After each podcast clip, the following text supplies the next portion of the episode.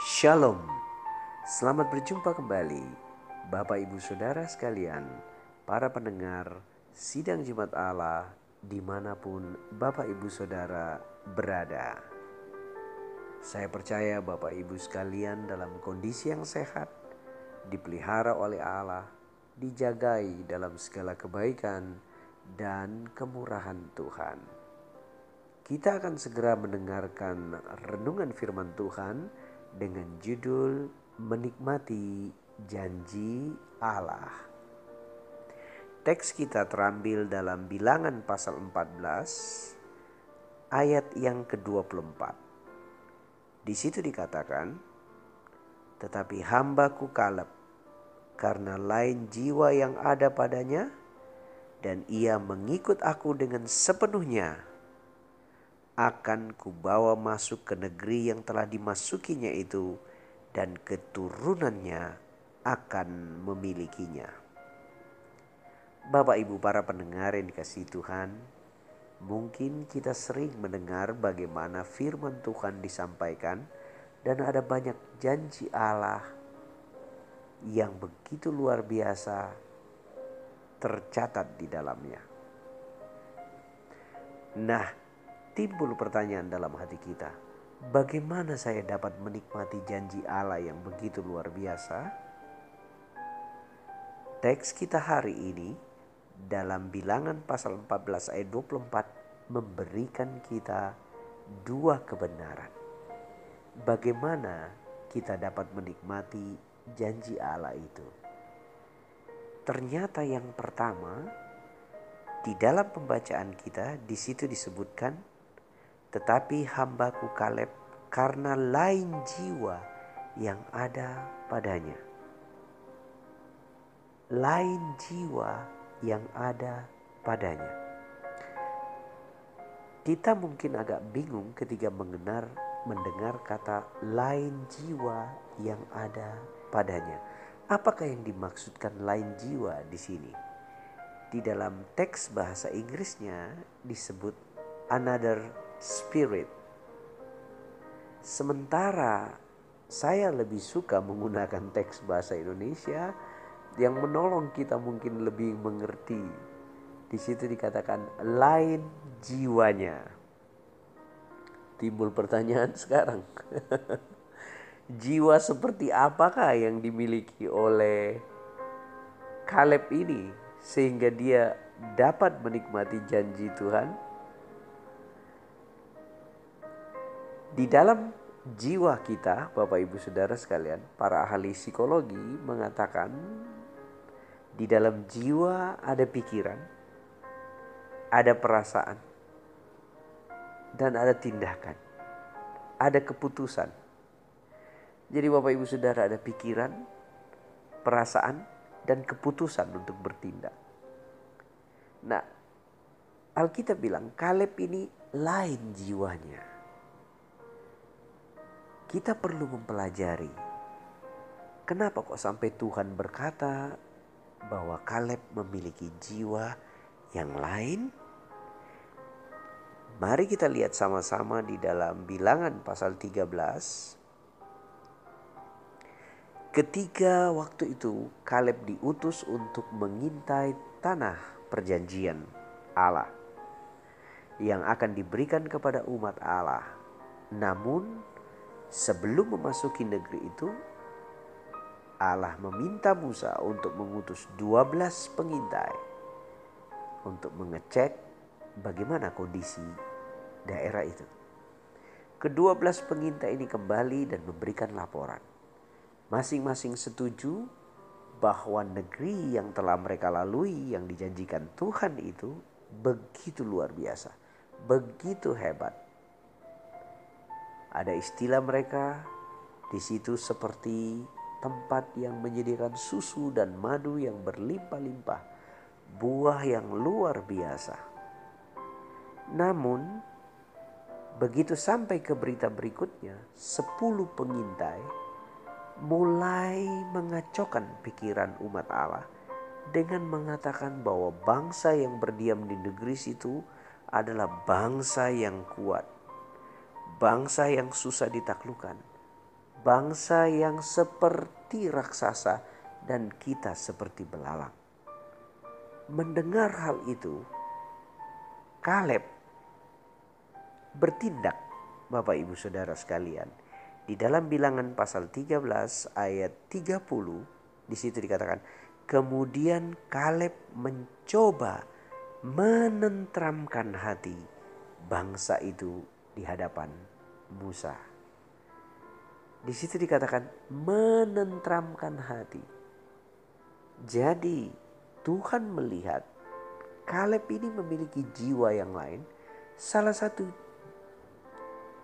jiwa yang dimilikinya adalah ingin menentramkan atau memberi ketenangan kepada umat Allah yang sudah mulai ketakutan akibat berita yang dibawa oleh sepuluh pengintai lainnya.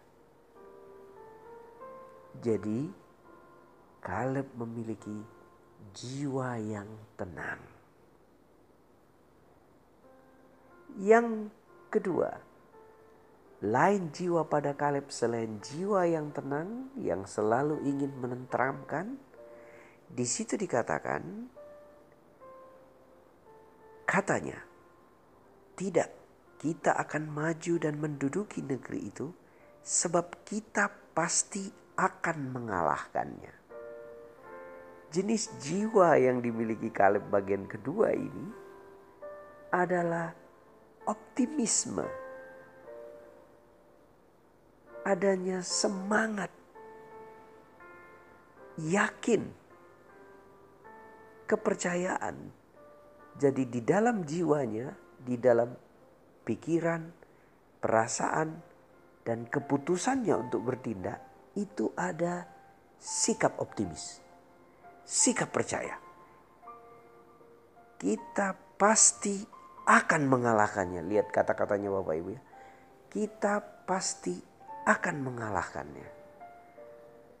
Jadi yang pertama ia membawa ketenteraman dan ketenangan. Yang kedua dia memiliki sikap yang optimis. Jiwa semangat yang optimis. Selanjutnya Bapak Ibu umat Tuhan mulai mengamuk, lalu mulai bersungut-sungut di hadapan Musa dan Harun, dan mulai mengeluh, "Mengapa Tuhan membawa kami sampai ke negeri ini? Mengapa?" Itu adalah keputusan-keputusan yang luar biasa. Itu adalah pertanyaan-pertanyaan yang luar biasa. Mengapa dan mengapa?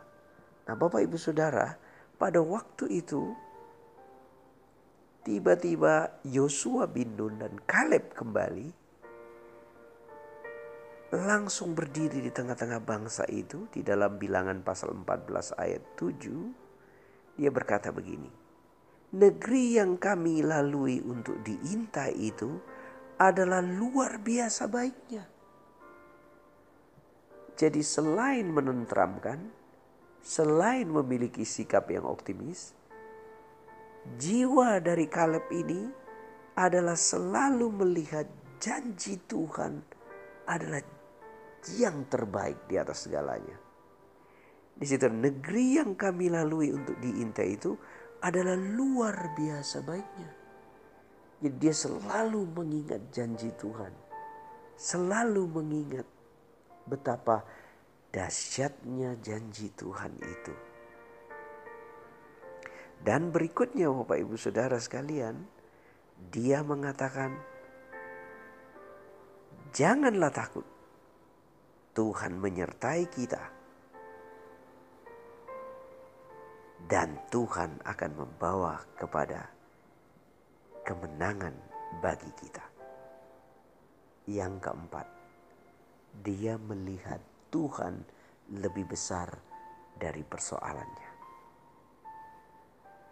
Itulah sebabnya Tuhan berkata, Kaleb ini lain jiwanya.